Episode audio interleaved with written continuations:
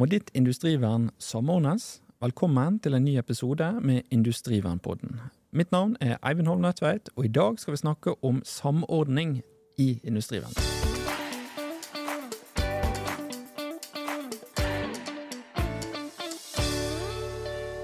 Til å snakke om dette her med samordning, så har jeg fått med meg vår direktør igjen, eh, Knut Oskar Gilje, til å snakke om dette med samordning. Velkommen. Tusen takk.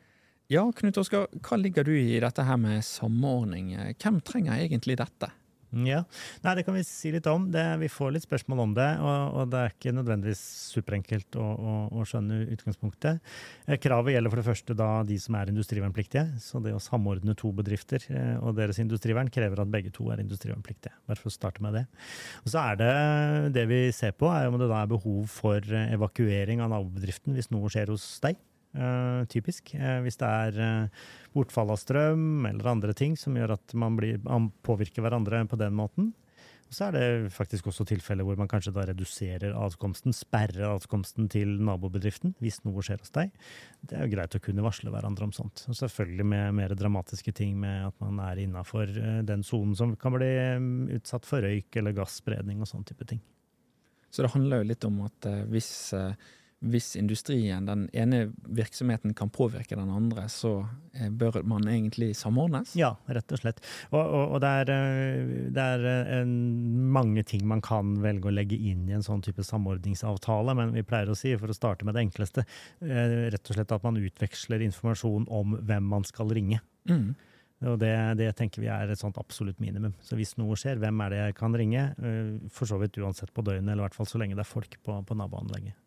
Ja, så at de er informert at ok, nå har vi en hendelse. Ja. Uh, dette er forventet av dere. Uh, dette må dere gjøre. Mm. Uh, eller dette er risikoen med det som har skjedd. Ja, det er en, en, enkel måte å si det på. Og så er det selvfølgelig litt mer avanserte varianter, hvor man kanskje har samordna seg mer bokstavelig. Mm. Også i forhold til at man utveksler erfaringer, øver sammen, er enige om å hjelpe hverandre også. Mm. Eh, så at man har eh, en samla industrivernstyrke som, som, er sterkere, da, i og med at man er flere.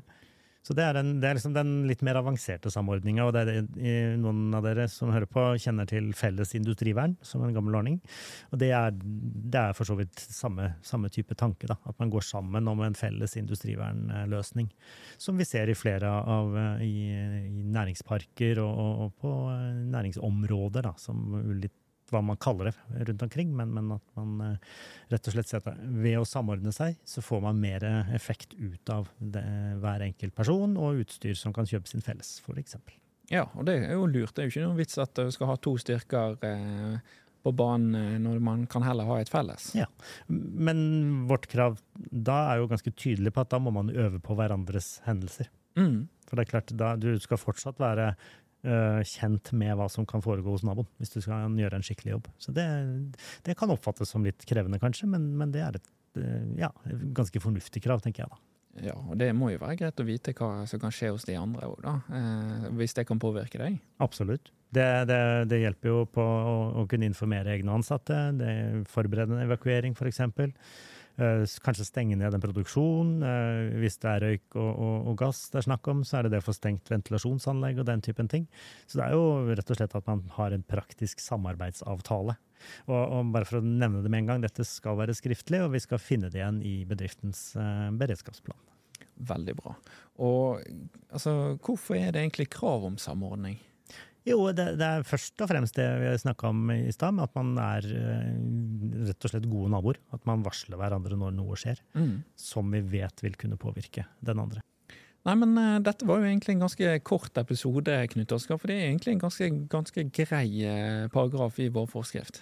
Ja da, den er uh, lett og grei å snakke om, og så er den ikke nødvendigvis så veldig enkel å få til der ute. Men som sagt, jeg gjentar det, minimumsløsninga må være at man kan varsle hverandre på en ja. effektiv måte. Veldig bra. Da tenker jeg vi runder av episoden. Tusen takk for at dere hørte på.